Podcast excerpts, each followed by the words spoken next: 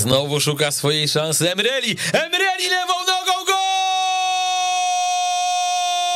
Znowu to zrobił reprezentant Azerbejdżanu. Cieszą się kibice Legii. Spokojnie Czesław Michniewicz. Weszło FM. Najlepsze radio sportowe.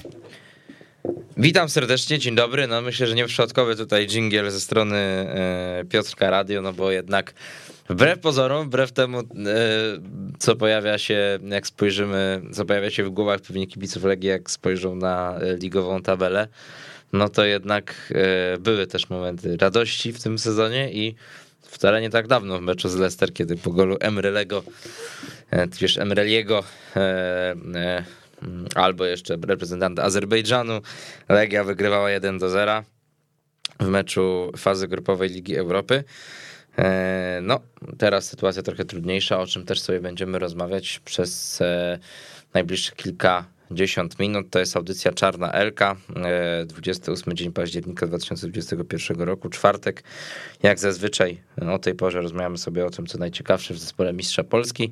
Ja nazywam się Wojciech Piela, witam wszystkich bardzo serdecznie.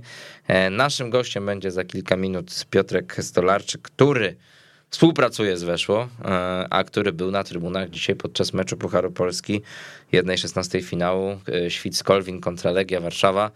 Legia wygrała 1 do 0 po golu Lindzeya Rose'a w 35 minucie, aczkolwiek no nie zachwyciła. Mm, Był to debiut trenera Marka Gołępiewskiego w roli pierwszego szkoleniowca. No wiemy, że powolutku, powolutku e, bym powiedział e, ogień wygasa wokół Legii Warszawa, jeżeli chodzi o, e, o to, co się wydarzyło na początku tygodnia. W poniedziałek e, pożegnany został trener Czesław Michniewicz, e, trener, który doprowadził zespół do zdobycia Mistrzostwa Polski i e, awansu do fazy grupowej Ligi Europy, no ale też i trener, który doprowadził Legię do siedmiu porażek w dziesięciu spotkaniach. E, No ta ostatnia najbardziej dotkliwa z Piastem Gliwice 1 do 4 na wyjeździe. Zastąpił go Marek Gołębiewski, dotychczasowy szkoleniowiec rezerw, który wcześniej pracował w Skrze Częstochowa czy w Ząbkowi, na przykład też w Eskoli Warszawie.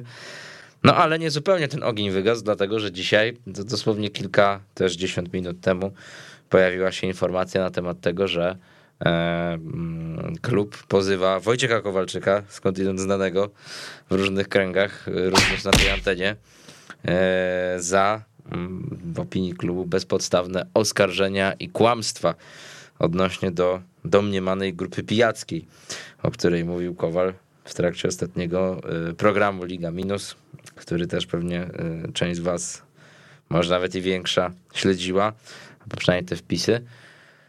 E, No dużo było ostatnio różnych spekulacji wokół klubu. Wiemy, że to nie tylko e, no, Kowal, ale i też inne osoby z przestrzeni publicznej, nazwijmy to, y, czy, czy inne media pisały o, mm, o właśnie takiej grupie bankietowej, o wynajętym domu nad Zalewem Zegrzyńskim mm, przez Matiasa Johanssona, gdzie miały być urządzane głośne imprezy, że zbierano zawodników z podłogi.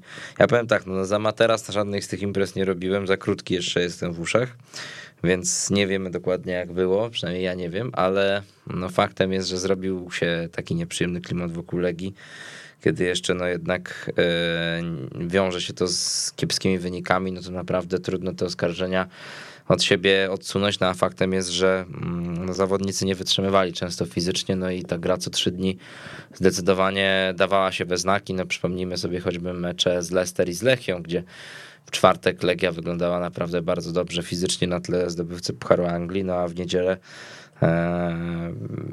no, rozegrała fatalne spotkanie z Lechią, bo to nie był mecz przegrany, tylko wręcz no, kompromitacja. Oczywiście można przegrać, zwłaszcza z Lechią, która wtedy była rozpędzona, ale no nie, nie w taki sposób, nie w takim stylu, a jak też pokazał ten tydzień i Puchar Polski, Lechie Gdańsk, Tomasza Kaczmarka też można u, ukłuć.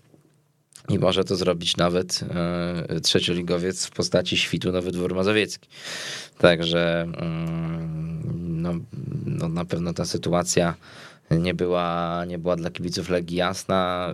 Mam takie wrażenie, że no to, co się w tym klubie wydarzyło w tym tygodniu, no to jest yy, przykre i, i taką głębszą refleksję trzeba na ten temat wysunąć, bo pierwszy raz od dłuższego czasu mam wrażenie, że Legia e, miała zatrudnionego trenera z prawdziwego zdarzenia. Czesław Michniewicz no jest, jest człowiekiem z dużym doświadczeniem, który też na tej arenie międzynarodowej sobie poradził, a mimo tego no koniec końców no, no, no, no te wyniki się nie zgadzają i i trzeba było szkoleniowca zwolnić, żeby sytuację w jakiś sposób ratować, no bo, no bo no wyglądało to tak, jakby już naprawdę nie było z tego wszystkiego wyjścia. No też oczywiście na pewno Michniewicz nie jest tutaj bez winy, no doprowadził mm, no zespół piłkarsko, zwłaszcza w ekstraklasie, do, do bardzo słabego wyglądu i, i widać było zwłaszcza w ofensywie, że, że ten zespół nie ma nie ma pomysłu na to, jak rozgrywać akcje. Zresztą to też było dzisiaj widoczne w tym meczu ze Świtem Szczecin, o którym sobie jeszcze porozmawiamy za moment.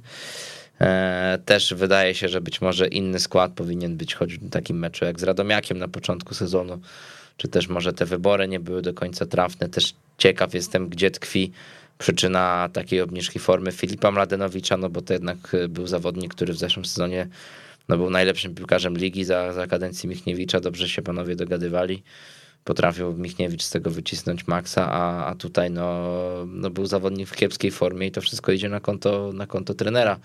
Koniec końców, y, no też, też być może te relacje w szatni rzeczywiście nie były na, najlepsze. Y, natomiast no, no na pewno tutaj trzeba się zastanowić nad tym, jak ta drużyna została skonstruowana i dlaczego choćby to zimowe okienko rok temu nie zostało lepiej wykorzystane, no bo wtedy z tych transferów e, no w klubie został do tej pory tylko Ernest Mucci. No i to też jest zawodnik, który tak naprawdę dopiero w ostatnich tygodniach zaczyna się trochę przebijać, pokazywać nieco lepszą formę. Jak Szybojewa nie ma, nie ma już Rusyna dawno temu. Artem Szabanow też był wypożyczony, no i mimo tego, że grał nieźle, no to wiadomo było gdzieś od początku, że będzie ciężko, żeby został, a do tego jeszcze doszły problemy zdrowotne.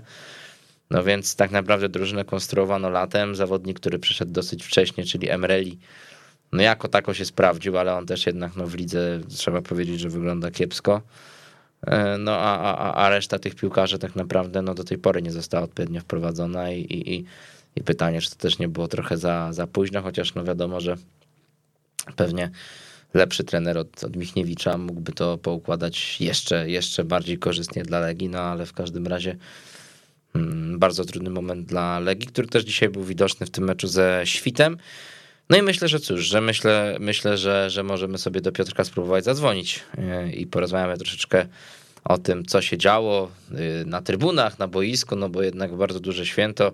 Świt Kolwin to jest e, no, klub ze Szczecina, ale, ale mm, z takiej dzielnicy trochę będącej na uboczu, też grający w trzeciej lidze, czyli na czwartym poziomie rozgrywkowym, zajmujący tam aktualnie czwartą pozycję no dla którego to było wielkie, wielkie wydarzenie, największy sukces w historii.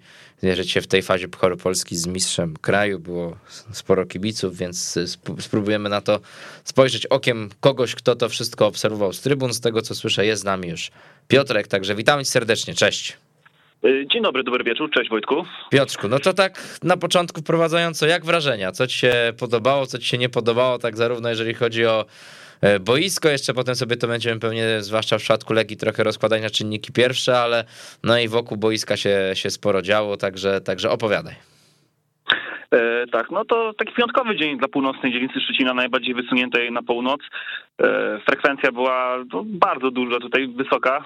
Wydaje mi się, że spokojnie z półtora tysiąca osób. E, ludzie gdzieś tutaj musieli aż na płotach siedzieć, naprawdę, e, bo było tak po prostu zagęszczone, żeby dobra widoczność była. Wielkie święto i chyba najbardziej wymowne, że kibice świtu i piłkarze schodzili z poczuciem niedosytu, bo dzisiaj była może nie do pokonania, ale można było spokojnie powalczyć, żeby tutaj napsuć krwi mistrzowi Polski, a jednak ostatecznie się to nie udało, co chyba najbardziej świadczy dobitnie o tym, jaka się była postawa warszawskiej e, Legii, tak? Bo no, Mistrz Polski miał spore problemy dzisiaj tutaj, aby z trzecioligowym klubem e, konstruować akcje, żeby pokazać swoją kulturę, gry, organizację na tle przeciwnika, który no, niektórzy piłkarze półamatorsko, półprofesjonalnie albo półamatorsko e, grają sobie, tak więc no Odczucia takie są, że tutaj można było jednak w Szczecinie sprawić sensację. Mam na myśli Świt Kolwin. Mhm.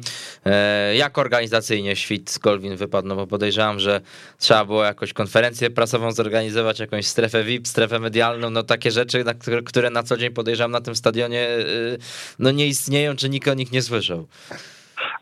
Klub stanął na wysokości zadania z dużą pomocą tutaj też miasta, ponieważ boisko, jak byłem tutaj miesiąc temu, wyglądało dużo, dużo gorzej na meczu ligowym. Także boisko wyglądało poprawnie, tak bym to określił. Wiadomo, że daleko do ideału. Postawione zostały dwie dodatkowe trybuny dla kibiców. Wydaje mi się, że klub tak na pewno na dobry plus zasłużył. E, konferencja prasowa są tak troszeczkę śmiesznych warunkach, ponieważ to było w boisku pod balonem e, gdzieś tam zrobione i tak e, no, na podstawie konferencji prasowej mogłem odczuć, że to jednak są troszeczkę takie folklorystyczne warunki, ale mimo wszystko wydaje mi się, że klub tutaj działacze, którzy od miesiąca pracowali tutaj pod względem marketingowym, żeby jak najlepiej opakować to wydarzenie, stanęli na wysokości zadania. To nie to, że przyjechała marka i samo się zrobi, tylko rzeczywiście kawał pracy tutaj ludzie wykonali, żeby coś było naprawdę godne święto dla dla tej dzielnicy Szczecina. Mhm. E, co się działo na trybunach, no bo choćby e, na Twitterze można było znaleźć wpisy e, na temat tych śpiewów kibiców Legii Warszawa, nieprzychylnych względem asystenta nowego Warka Gołębiowskiego Przemysława Małeckiego, nazywany był konfidentem, no wiemy ostatnio o tych różnych doniesieniach na temat asystenta obecnego trenera Legii, o tym, że miał być takim niejakim uchem, niejakim uchem prezesa w szatni, czy rzeczywiście coś takiego dało się usłyszeć, czy jeszcze też jakieś inne rzeczy, czy to od kibiców Legii, czy, czy, czy Świtu, co, to, co tam się działo? Znaczy to jest ciekawa sytuacja, bo kibice Legii oficjalnie nie mogli wejść na stadion i nie weszli, dlatego stanęli sobie na górce. Ale było widać wszystko dobrze, tak? Tak, w której było wszystko dobrze no widać. No to folklor w pełnym tego słowa znaczeniu. Dokładnie, dokładnie, ale zamanifestowali swoją obecność kilkoma okrzykami, po czym w 30 minucie meczu po prostu wyszli sobie pozwiedzać okolice, tak to Ewentualnie gdzieś wtopić się w tłum już na, na trybuny po prostu na tak zwanego, nie wiem, cywila, a nie, że oficjalnie, więc y, tak, tak, były takie okrzyki gdzieś tam i to chyba też wymowne, prawda, że kibice po prostu znamieni przyjechali, zamanifestowali, co sądzą o tym, co się dzieje i, i potem no, korzystali tutaj z uroków północnej dzielnicy Szczecina. Rozumiem. E, no dobrze, no to tak e, przechodząc do, do, do tych spraw boiskowych, e, co cię najbardziej porażało w grze Legii Warszawa? Mam wrażenie, że oczywiście no awans awansem, zwycięstwo się tutaj wszystko zgadza, ale jednak no w środku pola to wyglądało bardzo słabo i, i, i brakowało takiej płynnej wymiany podań. Nie wiem na ile to jest wina boiska, no ale tak się można tłumaczyć zawsze. E, waleczni byli bardzo zawodnicy świtu, tak mam wrażenie, że zwłaszcza w drugiej połowie, no to często dochodziło do jakichś przepychanek, tam, tam była taka jedna akcja, jak chyba Piotr Wojtasiak łokciem uderzył Rafael Lopeza, no i tam doszło do takiej lekkiej przepychanki. E, dużo było wolnych y, dla drużyny świtu, takich dośrodkowań nieprzyjemnych. Cezary Mistrza naprawdę musiał się napracować i to wszystko w ogóle było takie szarpane, że, że długo w ogóle, ja oglądałem ten mecz, miałem wrażenie, że, że to nie gra mistrz Polski z drużyną z trzeciej ligi, tylko tak no, no widać, że ta Legia jest trochę lepsza, ale to tak jakby, nie wiem, drugoligowiec może grał z trzecioligowcem maksymalnie. Znaczy, y, Wojtku, symptomatyczne jest to, że Legia dzisiaj strzeliła bramkę po stałym fragmencie gry, prawda, a nie po grze z akcji i to chyba też najlepiej oddaje obraz tego widowiska, tak, że Legia musiała to jakoś wyszarpać. Nie mówię, że to było zwycięstwo przypadkowe, no bo jednak nie no Legia była lepsza, no z racji tego, że ma po prostu lepszych zawodników, tak, ale tak jak powiedziałeś, to nie było widać różnicy. Mm, wiadomo też, że świt, no to dla tych chłopaków był mecz życia, prawda, wiadomo, że to będzie mityczne jeżdżenie na dupach i dawanie z wątroby, ale to nie było tylko właśnie dawanie z wątroby, jeżdżenie na dupach, ponieważ Świt, co ciekawe, no ofensywnie wyszedł na początku, bez respektu i też takie były założenia trenera Tychowskiego, szkoleniowca Świtu, e, żeby nie chować się za podwójną gardą, tylko pokazać swoje, zaznaczyć to, że są gospodarzami swój teren i to im się udało. Troszeczkę, ja to odnoszę do świtu, potem zabrakło może jakościowych zmienników, troszeczkę fizycznie, ale nie odstawali od Legii. I też trzeba tu powiedzieć, że, pod względem takiej kultury i organizacji gry, jak wcześniej wspomniałem, no Legia nie przewyższała, nie biła na głowę przeciwnika. I to jest chyba najbardziej takie gdzieś martwiące dla kibiców Legii, że na tle nie mówię słabego przeciwnika, ale przeciwnika, który no, gra w trzy ligi niżej, podkreślę to, Legia nie była w stanie pokazać tej wyższej kultury gry. I to chyba najbardziej powinno martwić yy, zespół.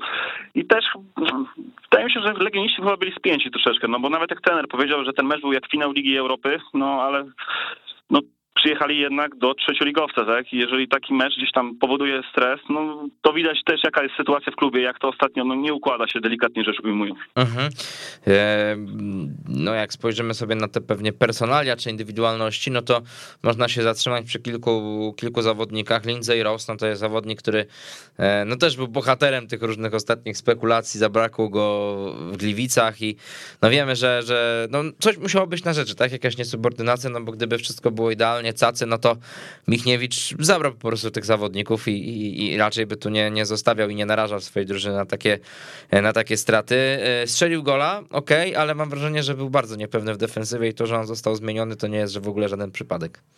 E, znaczy on został zmieniony, bo chyba jakiś uraz się pojawił z tego, co mówił trener Głębieski na konferencji prasowej i okay. ten uraz może, może No dobrze, ale, ale, ale, ale w każdym razie, no tak, tak, teraz sobie kojarzę rzeczywiście, tak, masz rację, że może, może też Rosa zabraknąć w tym meczu z Pogonią Szczecin i, i to jakby też jeszcze poszerza trudną sytuację Legii na stoperze, no bo nie ma Majka Nawrockiego, nie ma Mateusza Kołowni czy Żela Abuchanny, ale to jest tak, że gdyby go zmienił ze względu na poziom grania, to chyba też byśmy się nie zdziwili.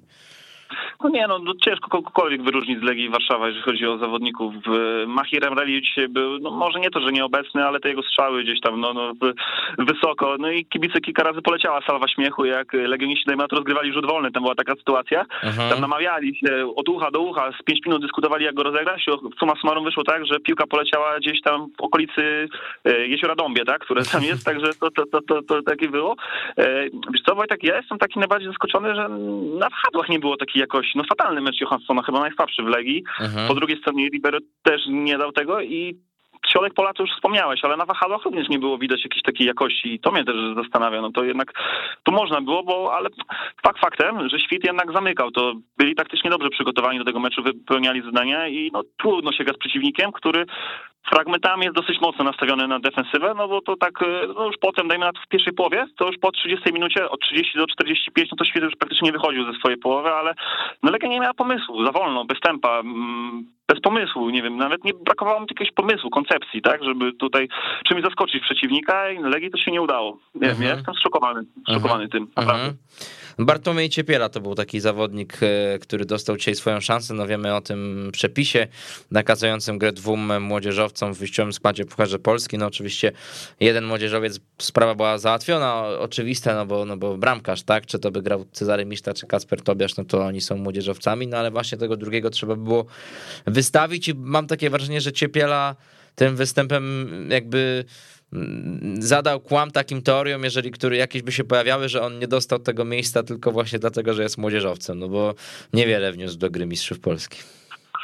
Tak, tak. No myślę, że na pewno jakoś, jeżeli miałbyś to występ, który by zaplusował, to którym miałby zaplusować, to tak średnio to wyszło w jego przypadku. Mm, to wydaje mi się, że tutaj chyba po takim meczu, no wiadomo, że na podstawie gry z trzecioligowym przeciwnikiem trudno, żeby ktoś super zyskał, tak, w oczach nowego szkoleniowca, ale no, no wydaje mi się, że więcej tutaj gdzieś tam minusów, no i Marek Głębieski, no ma będzie miał na pewno ból głowy, to jak to gdzieś tam wyeliminować pewne błędy, bo tych błędów po prostu dzisiaj za dużo było, indywidualnych i jeżeli chodzi, drużynowo chodzimy stricte budowanie akcji, naprawdę, to porażające po prostu było to, jak momentami Legia, jak wcześniej wspomniałem, nie miała pomysłu. Mhm. To środek, środek pola też, no, no, no e, momentami naprawdę w świt lepiej wygląda w środku pola. Nie wiem, czy, czy ja tylko odniosłem takie wrażenie. Momentami, tak, no, tak. No. Jakby to też jakby nie było nie wiadomo co, ale no po, po prostu chodzi o to, że oni bardzo dobrze te Legie neutralizowali i to już samo w sobie e, zasługuje na szacunek, a, a Legia no też głównie, jeżeli no wprowadzała jakieś ataki, no to tymi skrzydłami tak dużo było dośrodkowań i, i faktem jest, że czasami tam na przykład Yuri Ribeiro, no to miał sporo wolnego miejsca, ale no, no to jednak też, też jednowymiarowe takie trochę było i, i mimo wszystko wolno, wolno Legia, wolno Legia grała, no i ciekaw jestem, jak to będzie wyglądało w tym następnym meczu z Pogonią, z Pogonią Szczecin, no ale jeszcze zanim cię zapytam o to, no bo też na pewno Pogoń, Pogoń śledzisz jako człowiek no, mieszkający tam i będący z tamtego regionu Polski, to e, co się działo po meczu? Czy udało ci się jakoś tam, nie wiem, podsłuchać jakieś wypowiedzi zawodników, czy być na tej konferencji, jak się legioniści odnosili, czy, czy cokolwiek ciekawego usłyszałeś, powiedzieli, czy tak wszystko raczej oklepane formułki i, i jazda do Warszawy? No, oklepane formułki, jazda do Warszawy, ale byłem akurat już potem, pod koniec meczu, byłem przy ławce rezerwowych, akurat tam stałem sobie, obserwowałem, byłem ciekawy reakcji, co tam się dzieje i to było raczej takie poczucie dużej ulgi, po prostu takie mhm. kamień serca niż jakiejś takiej radości, no nie było ekspresywnego wyrażania radości, gdzieś tam śpiewu po prostu, no, no odrobione zadanie, zrobione i, i tyle, odhaczone, no i wydaje mi się, że niedługo wszyscy zapomnimy o tym meczu, o tym stylu, Legia awansowała dalej, zrobiła to swoje, także też chyba nie ma co uderzać w jakieś takie tony y, duże, gra, owszem, dużo zastrzeżeń, ale no Legia zrobiła, co do niej należało. Awansowali. E, no i chyba co najbardziej martwiło trenera Gołębieskiego to właśnie uraz Linceja Rosa, tak? I widać, że mocno taką strapowaną minę miał nowy szkoleniowiec warszawskiej Legii. Mhm. No to prawda. E, natomiast e, z tym, tym jazda do Warszawy, no to też jakby tutaj trzeba sprostować, pewnie jazda bardziej na lotnisko i potem lot do Warszawy, bo, e, bo wczoraj mówił trener Marek Gębieski, jak, jak też byłem na briefingu w Legia Training Center, że, że się wybrali Legioniści na ten mecz samolotem, no tutaj jak najbardziej to wszystko uzasadnione, no bo wiemy, że z Warszawy do Szczecina, no to jest troszeczkę dalej niż, niż, z, zielon, niż z Zielonki do Kobyłki, kto tutaj z okolic to wie, o czym mówię. Natomiast, e, no właśnie, teraz ten mecz z Pogonią Szczecin, czyli z tą drużyną, no delikatnie mocniejszą ze Szczecina, tak się wydaje. E, czego ty się spodziewasz, e, patrząc też na to, co się dzieje ostatnio w Legii, ale i, i w Pogoni, no bo wiemy, że Pogoń też tam swoje problemy ma, ale akurat ostatni mecz bardzo ładny, efektowny, zwycięstwo wysokie z Jagielonią. Ty jesteś w stanie zaryzykować stwierdzenie, że Pogoń jedzie do Warszawy jako faworyt? E, nie, nie zaryzykuję tej tezy, ponieważ e, Pogoń słabo prezentuje się na wyjazdach. Pogoń u siebie, no to jest dużo lepszy zespół w tym sezonie, a na wyjazdach ta gra szwankuje od dłuższego czasu i to jeszcze weźmy pod uwagę końcówkę poprzedniego sezonu, gdzieś tam, e, w którym Pogoń zajęła trzecie miejsce, już tak słabo, słabo gra wyglądała na wyjazdach, tak więc no, ciężko mi cokolwiek wyrokować. No na pewno Pogoń no, ma przeciwnika, który ma swoje gdzieś tam problemy duże i wewnątrz i personalnie, prawda, więc jest duża szansa, że tutaj podopieczni Kostrylniaicia, ale trudno jest mi wyrokować. Naprawdę Pogoń gra nierówno równo strasznie w tym sezonie, prawda? To są takie rwane, że, że y, jest jakaś kompromitacja, jak w Kaliszu, potem dwa dobre mecze, potem kolejny słaby mecz i to tak trudno się zmienia, to się po prostu w Szczecinie zarówno, można to po nastrojach kibiców patrzeć, jak w kalejdoskopie. No, ciężko jest mi wyrokować. E, wydaje mi się, że tam na pewno będzie mecz taki na styku, tak? Gdzieś tam i, i ja tak osobiście uważam, że kto strzeli, ten wygrywa. Takim oklepanym frazesem się posłużę, że tam po prostu decyduje jedna bramka, tak jak dzisiaj w tym mhm. meczu Legii z Pogonią.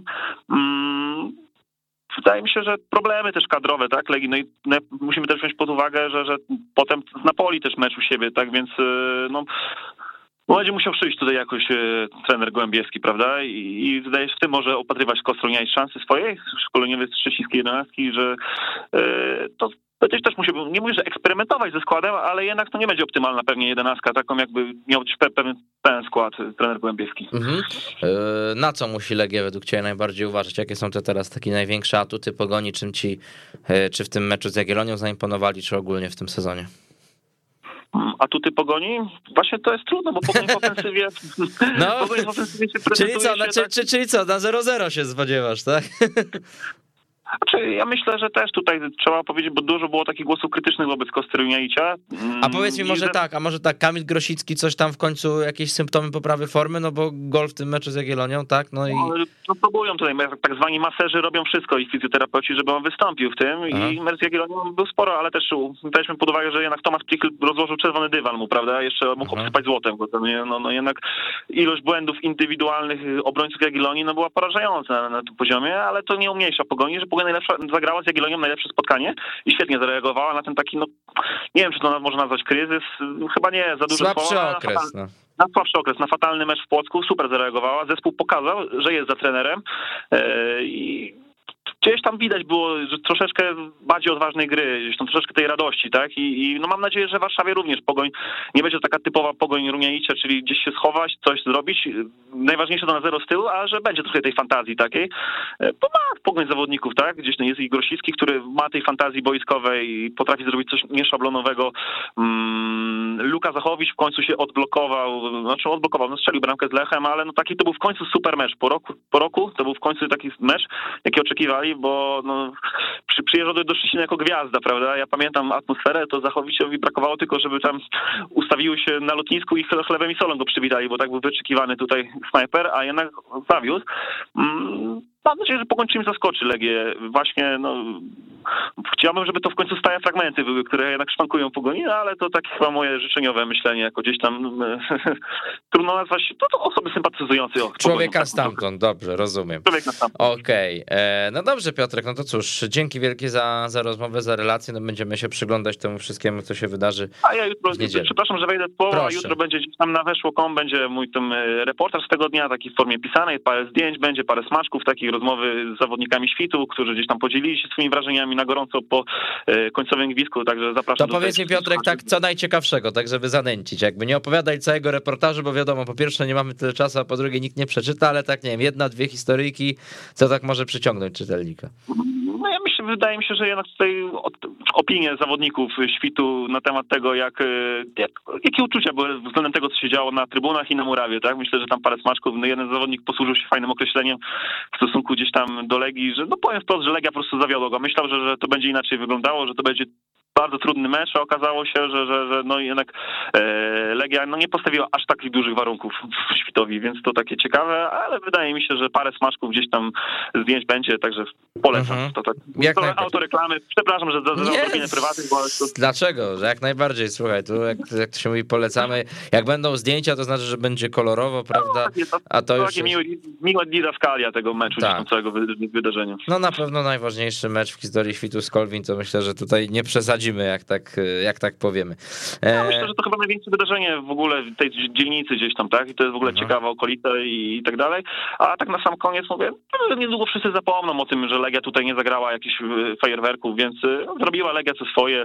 Mm, Oj, wiesz co, ja bym się nie zgodził, bo ja takie mam wspomnienie, jak oczywiście trochę też i, i mimo wszystko inna różnica poziomów, bo Dolkan Ząbki wtedy był na zapleczu Ekstraklasy, a, a nie w trzeciej lidze, ale pamiętam jak w Pukarze Polski Dolkan Ząbki zagrał z Wisłą Kraków parę parę lat temu, no i przegrał właśnie tylko 0-1 i to było, nie wiem, już z 10 lat temu, ale pamiętam do dzisiaj, że to był taki mecz na styku, że, że to nie było tak, że Wisła przyjechała i rozjechała, tylko to było tylko 0-1, gola strzelił Paweł Brożek, pamiętam, więc no możliwe, że jednak, wiesz, ci co byli na trybunach, to będą tak wspominać, że kurczę, to była kiedyś Legia i wcale nie wkopała A, piątki, tak, no, tylko... Ten będzie, będzie mitologizowany, ale tak na sam koniec, tak ja mówiłem nawet tutaj do znajomych, że z tym meczem dla Legii to było, znaczy cytując sobie trenera Łazarka, jak całowaniem pośrodek tygrysa, tak? Przyjemność żadna, bo taka murawa, daleki wyjazd, a ryzyko duże, tak?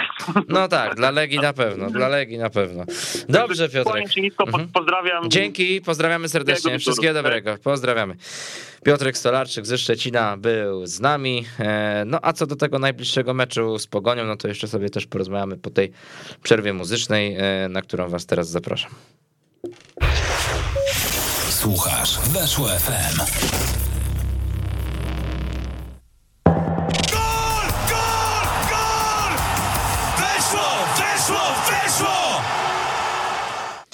I jesteśmy ponownie, cały czas audycja Czarna Elka. E, rozmawiamy sobie o Legii Warszawa. Dzisiaj zwycięstwo Legii 1 do 0 ze Świtem z w Pukarze Polski, które mm, sprawiło, że Legia zagra w kolejnej rundzie. Efektownie nie było, no ale liczy się zwycięstwo. Natomiast no wiemy, że w poniedziałek e, Duże zamieszanie w klubie po tej decyzji o zwolnieniu Czesława Michniewicza. Bardzo słaby okres ostatnio.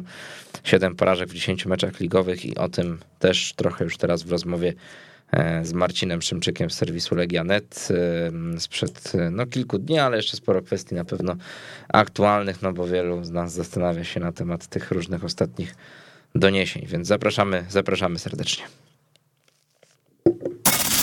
Faulowany polu karnym Gytkier kontra Alomerowicz! Alomerowicz broni! Fantastyczna interwencja bramkarza Koromy Kielce! To jest, proszę Państwa, koniec tego dreszczowca w Kielcach. Słuchasz, weszło FM. Co się stało, tak zanim porozmawiamy o tym, co było w ogóle w ostatnich tygodniach e, z Czesławem Michniewiczem, że ostatecznie to Marek Gołębiewski przejmuje te obowiązki, no bo jeszcze dzisiaj krążyła wersja z Przemysławem Małeckim. E, wiesz no, to po prostu plany były różne, pomysły też e, zmieniały się z godziny na minutę jak najczęściej. E, pewnie wszyscy rozważali jakieś za i przeciw. No i ostatecznie wybór padł na Marka Gołębieskiego, jako tego, który no, ma już jakieś doświadczenie, tak, przyszedł z wyższej ligi, czy z wyższej niż, niż ta, której obecnie gra z rezerwami. No i gdzieś tam całkiem na niezłą robotę zaczął robić w tym, co jest drugiej drużynie, aktualnie zajmuje trzecią pozycję. E, ponieważ nie ma, e, jeszcze wczoraj przynajmniej nie było i myślę, że dzisiaj też nadal nie ma opcji takiej, takiej docelowej, tak, e, czyli, czyli dogadanego trenera, człowieka, z którym się już władze klubu porozumiały. Mm, to stąd wybór taki, no jeżeli wypali to super, a jeżeli nie, no to pewnie zimą nastąpi kolejna jakaś, jakaś zmiana, czy, czy przesunięcie, tak? No myślę, że gdzieś tam cały czas marzeniem klubu jest Marek Papszun. E, no tylko on ma ważny kontrakt. Najwcześniej przepisy pozwalają mu, pozwalają mu przyjść do Legii zimą, ale ale gdzieś tam wiadomo, że ważny kontrakt, że e, prezes Świerczewski niekoniecznie może go sieć tutaj puścić i, i wtedy, wtedy ewentualny taki ruch byłby możliwy dopiero latem, tak? E, natomiast no póki co wszystko jest w rękach Marka Gołębieskiego i jego sztabu, no i piłkarzy oczywiście, tak, no bo to to też kluczowe.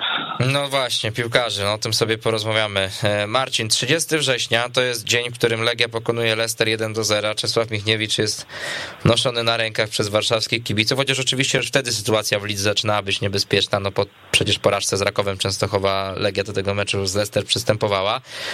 Minął niecały miesiąc, Czesława Michniewicza nie ma już w Legii Warszawa. Swoją drogą ciekawe, jak będzie zdziwiony Brendan Rodgers, który przecież tak mocno Michniewicza zachwalał, e, że fajny trener, świetnie tutaj ustawił, a tutaj na rewanż może przyjechać Marek Gołębiewski, który jeszcze niedawno pracował przecież u mnie w Ząbkach, w Ząbkowi, ale tak żarty na bok. E, nawet nie będę się ciebie pytał chyba, co się wydarzyło przez te trzy tygodnie, aczkolwiek no to pewnie były już tutaj kluczowe rzeczy, ale co się działo od lata i jak do tego ty wszystkiego podchodzisz, no bo jednak historia jest no niezwykła i też niezwykle trudna obecnie dla kibiców do zrozumienia. Wiesz co, ja myślę, że taki roller coaster przeżywamy wszyscy jako kibice tego klubu. Mniej więcej co roku, może co roku z małym hakiem. Eee, niby było się do, czas do tego wszystkiego przyzwyczaić, a jednak za każdym razem w jakiś sposób jest to zaskakujące, to, to co się dzieje, to e, no teraz e, taki sezon e, chyba nikt, nikt, nikt go nie przewidział, że aż tak to się potoczy, że, że po niespełna dwóch miesiącach rozgrywek ligowych będziemy mieć kolegia 18 punktów straty do lidera, że tak naprawdę będą na osób pokazać kolejne drużyny u siebie na własnym stadionie i, i, i to jest bolesne. Natomiast co się stało, no to jest, tak jak mówię, bardzo, bardzo złożona sprawa. To jest proces, który trwał przynajmniej od maja, a być może już wcześniej się zaczął, tak? Bo, bo przypominam, że po zdobytym mistrzostwie nie było wśród piłkarzy Legii takiej radości i euforii, jaka bywała w poprzednich latach. Wielu zawodników odchodziło, koledzy nie potrafili się e, nawet szatni zbytnio cieszyć. Wiele rzeczy było takich pozorowanych, e, żeby pokazać, że, wszystko fajnie funkcjonuje, natomiast nie do końca tak to wyglądało i, e, i, i mówię, no i to trwało, tak, no gdzieś tam transfery, które kolejne, które zawodnicy, którzy odchodzili, e, mam na myśli Szczołka, Wesowicza, Wilię, potem Granowicza, kontuzję Boruca, Kapustki, no to jakby spowodowało, że tam ta drużyna z zeszłego sezonu, która która całkiem nieźle, a nawet bardzo dobrze sobie radziła, przestała istnieć de facto, tak? I, i trzeba było wszystko budować na nowo. E, zawodnicy, którzy nowi przyszli do klubu, przyszli w innym profilu, trzeba było to wszystko poukładać, nie było na to czasów. E, dodatkowo niesnastki na linii trener, prezes, co też jakby podważało jego autorytet, autorytet trenera u piłkarzy. E, gdzieś tam potworzyły się grupy, zachwiane zostały proporcje między Polakami a, a piłkarzami z zagranicy. Potworzyły się grupy. Jedni lubią posiedzieć w domu, profesjonalistami, domatorami, wolą iść na miasta. No i tak gdzieś to wszystko się porozchodziło. Mhm. E, jaką winę e, ponosi w tym wszystkim Czesław Michniewicz? No bo to pytanie musi paść, no bo wiesz, żeby potem nie było, że wszyscy tutaj mówimy, że trener Michniewicz jest niewinny. Na pewno jest winny tej sytuacji i zastanawiam się z twojej perspektywy, w jaki sposób jest winny, gdzie on popełniał błędy. Każdy e, w klubie e, ponosi jakąś odpowiedzialność. Nie ma tak, że trener jest niewinny. Natomiast no to jak to e, No na pewno miał zbyt duże zaufanie do niektórych piłkarzy. Obdarzył ich zbyt dużym zaufaniem. A kogo masz na myśli na przykład? No, myślę, że, myślę, że tutaj część piłkarzy właśnie e, takich, których, e, do których mam zaufanie, jeżeli chodzi o umiejętności piłkarskie, to mam być może na myśli takich piłkarzy jak Mladynowicz, że może choćby wcześniej trzeba było nim jakoś wstrząsnąć. Mam na myśli też takich piłkarzy, do których pewnie myślał, że są profesjonalistami i że, że czego jak czego, ale nie musi im przypominać, żeby się zdrowo prowadzili, tak? Aha. Więc, więc myślę, że tutaj wielopłaszczyznowo, no, pewnie gdzieś tam były też błędy w, e, w, w osadzaniu poszczególnych, czyli indywidualne, tak? E, e, pewnie gdyby trener decydował w tej chwili to choćby na spotkanie z Radami Jarzeniakiem wystawiłby pierwszą jedenastkę i być może miałby trzy punkty więcej i trochę spokoju, tak? A, ale teraz już tego nie cofnie. Mhm. E, natomiast no, jak ty podchodzisz do tego, co się ostatnio działo właśnie, jeżeli chodzi też o, o tą grupę bankietową? No, Matias Johansson tutaj się wysuwa na, na szczyt tej listy, to jest taki zawodnik enigmatyczny, no o nim się dużo mówiło, tak podchodziło się, bym powiedział, protekcjonalnie, no bo on miał problemy zdrowotne, tak się mówiło, no chyba tam też jakąś poważną chorobę, no później kiedy grał w europejskich pucharach, to grał nieźle i tak każdy czekał, że jak on wróci na mecze ligowe, no to może nie to, że się wszystko jak za dotknięciem czarodziejskiej różdżki odmieni, no ale że nie będzie słabszy na pewno niż Skibicki, a teraz wychodzi na to, że moralnie tam nie było wszystko po kolei w głowie, do tego mamy Emreliego, do tego mamy Rosa, Castratiego, to jest rzeczywiście taka ekipa w Legii, którą można już nazywać grupą bankietową? Co ja powiem ci szczerze i wszystkim kibicom, że nie mam takiej wiedzy. Mhm. Nie chodzę po lokalach. Chyba już nie te lata, żeby ma w dodatku pewnie też nie ten portfel, żeby chodzić po tych samych lokalach co piłkarze. E, natomiast e, no, gdzieś tam usłyszałem po prostu z różnych, od różnych osób w klubie, że rzeczywiście jest tak, że, e, że piłkarze się tam trochę rozeszli. Wiadomo, jedni lubią wyjść na miasto, wybawić się i wypić, trzeci pobawić się z kobietami, no różnie to bywa, każdy ma różne wyjścia.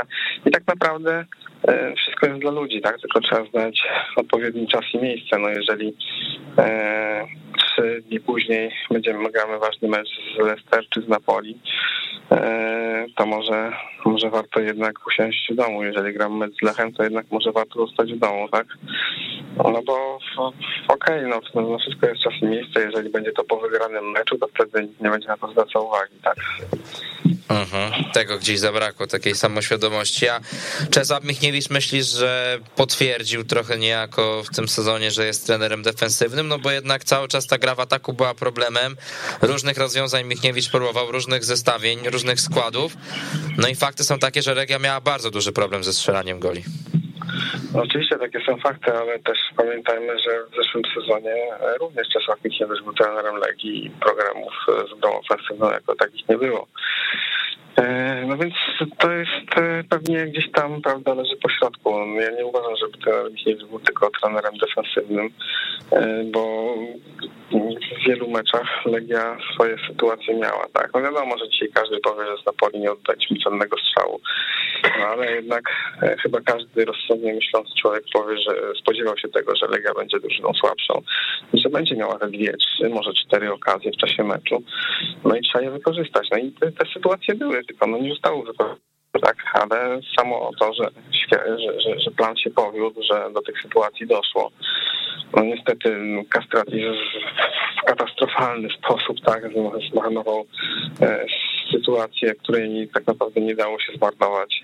Um, Emreli zdecydował się na strzał, kto wie, być może gdyby podał na czystą na, na, do Castratiego, na, który wybiegał na czystą pozycję, inaczej by się to zakończyło. No ale no jest jak jest. No i mieliśmy tu też przykład wczoraj. No, Emreli to, że za pierwszym razem na początku meczu trafił w słupek, to się zdarza, normalna sprawa, tak? Natomiast, że dobitce mając pustą bramkę drugi raz trafił słupek, no to już jest naprawdę duża sztuka. Mhm. Jak myślisz, drużyna przyjmie te informacje o odejściu Michniewicza? Jest kilku piłkarzy, którym, no nie wiem, może to będzie przesada, ale wiadomo, wiesz o co chodzi. Gdzieś tam delikatnie łezka może polecieć, czy raczej wszyscy tak wzruszą ramionami i stwierdzą, że no co, no stało się?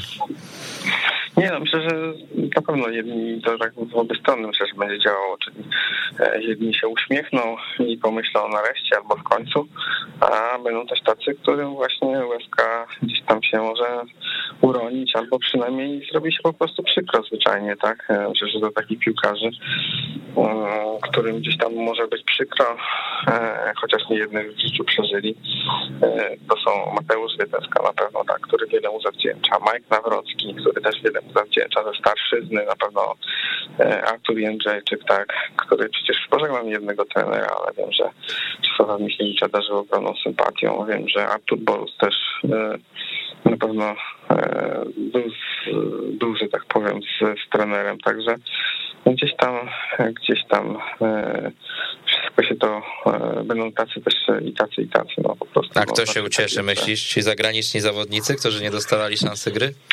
Jest to najprościej mówiąc, że ci co nie grali, tak? E, ci co nie grali i oni z pewnością liczą, że jak przyjdzie nowy trener, to, to dostaną swoje szanse, a może wręcz e, liczą na to, że ktoś celowo pomyśli, że najlepszą, najlepszą sytuacją będzie dać teraz szansę tym, którzy nie grali, no bo reszta jeszcze może być gdzieś tam jakoś zdołowana w takim dołku, czy psychicznym, czy sportowym. No a ci są niesprawdzeni, to może warto będzie, może oni tak liczą, może tak w ten sposób myślą, a czy tak się stanie, to i czy przede wszystkim oni sportowo są w stanie podołać, to się przekonamy. Mhm. No dwa takie nazwiska są, które cię chciałem zapytać. Pierwsze to Igor Haratin. Co się dzieje z tym piłkarzem w ogóle? No bo przychodził jako no, podstawowy gracz niezłego europejskiego klubu Ferenc Waroszu, no i tymczasem on jednak wczoraj wchodzi jako taka zapchaj dziura, można powiedzieć, na stopera, bo już nie było komu zakontuzjowanego Nawrockiego. Gra bardzo mało. No gdzie tutaj leży problem? Czy on rzeczywiście jest taki słaby, czy Michniewicz nie chciał go jakoś dostrzec? Jak to wygląda według ciebie? Co, powiedziałeś, że wszedł, wczoraj, wszedł wczoraj, tak? Mhm. Na boisko, no i jeszcze trzeba dodać, że zagrał słabo, mhm. zaprezentował się bardzo słabo. I to ja nie wiem, no nie lubię oceniać zawodników po po dwóch tygodniach, po miesiącu, tak? Czasem są każdy organizm, każdy człowiek, każdy charakter potrzebuje czasem trochę więcej, trochę mniej czasu. Natomiast na dziś wygląda to bardzo słabo i na dziś to się można zastanawiać, dlaczego ten zawodnik kosztował aż 800 tysięcy, bo piłkarsko czasami za przeproszeniem wygląda jak trup. Okej. Okay. E, Jurgen Czerhaka, myślisz, że on nie ma już przyszłości w Legii? No bo wiesz, tutaj jest taki chichot losu dla niego. No trenerem zostaje gość z rezerw, gdzie on ostatnio odmówił grania.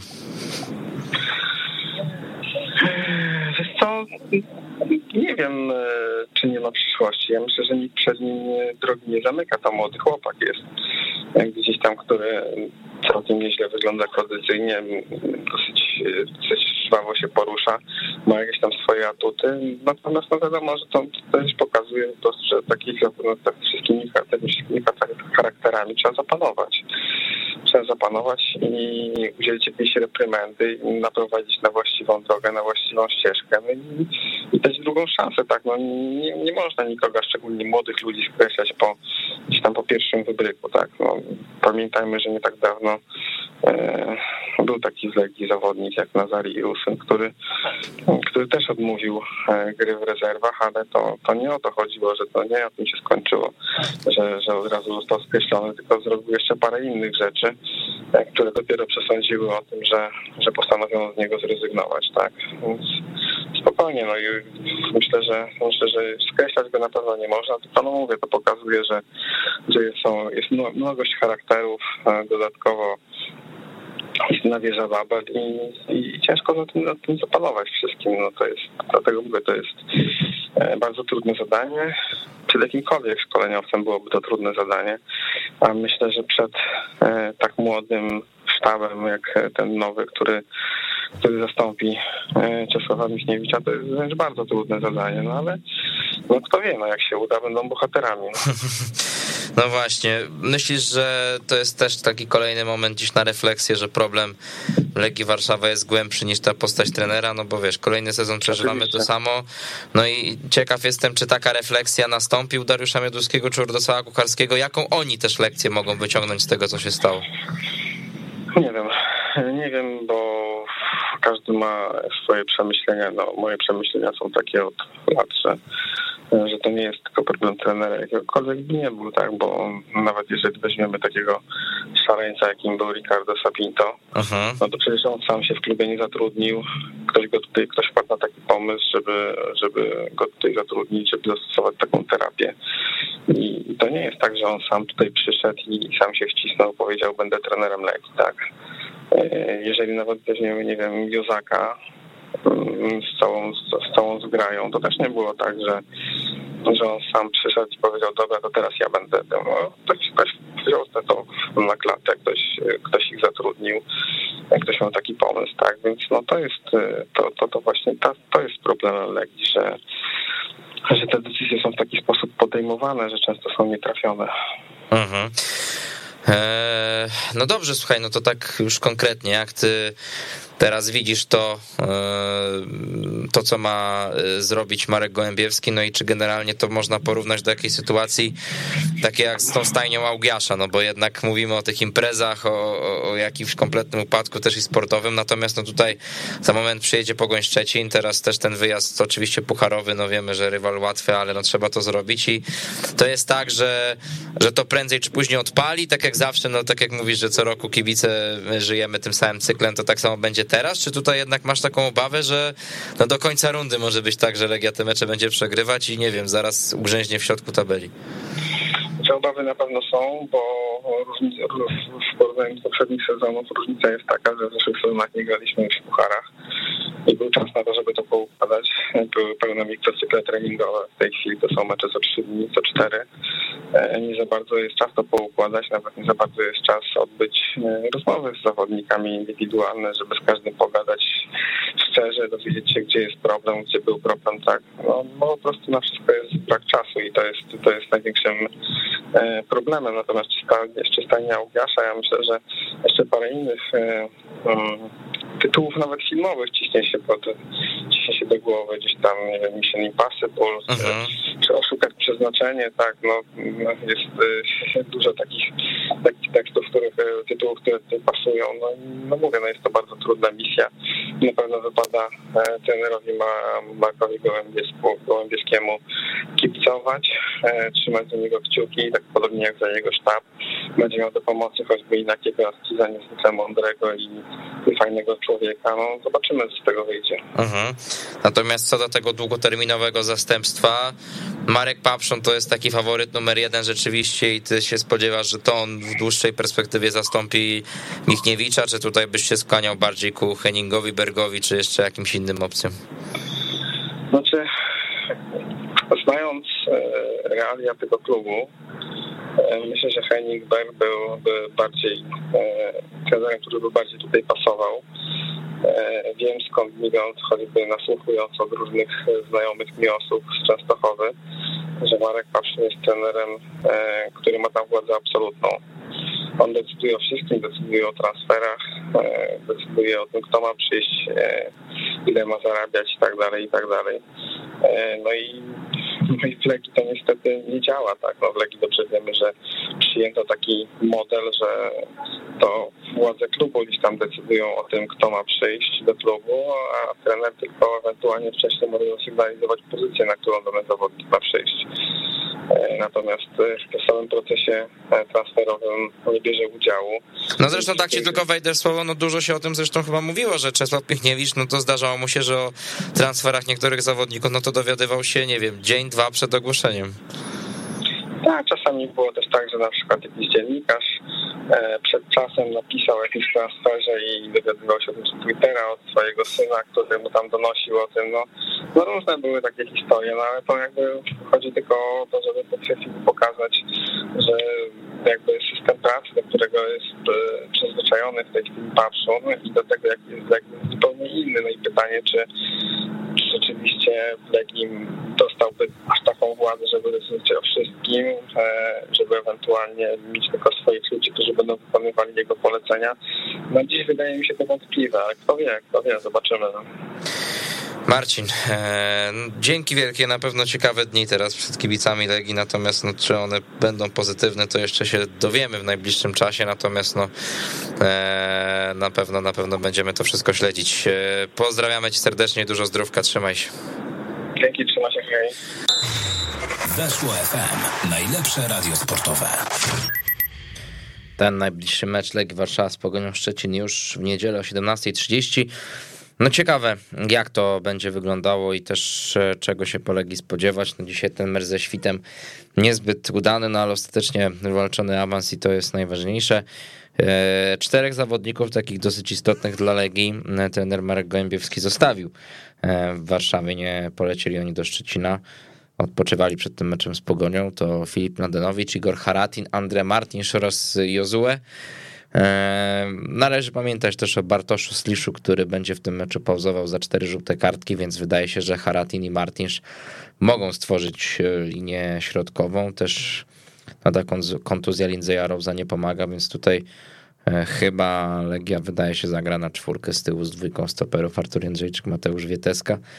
No i też zarówno Mlatynowicz, jak i Jozue powinni swoje szanse w pierwszym składzie dostać, no i wtedy też będziemy otrzymywać kolejne odpowiedzi na temat tego, w jakim kierunku Legia będzie szła, jeżeli chodzi o wychodzenie z kryzysu. Warto powiedzieć, że za tydzień o tej porze będziemy się szykować do kolejnego europejskiego święta przy Łazienkowskiej, bowiem e, do Warszawy przyjeżdża Napoli i e, o godzinie 18.45 właśnie dojdzie do meczu czwartej kolejki fazy grupowej Ligi Europy, także mm, no, terminarz jest napięty, mecz goni mecz, no i, e, i tutaj sporo, sporo na pewno jeszcze będzie do opowiadania o Legii Warszawa do końca tego roku, natomiast za tę audycję Czarne Elko. Dziękuję już bardzo serdecznie.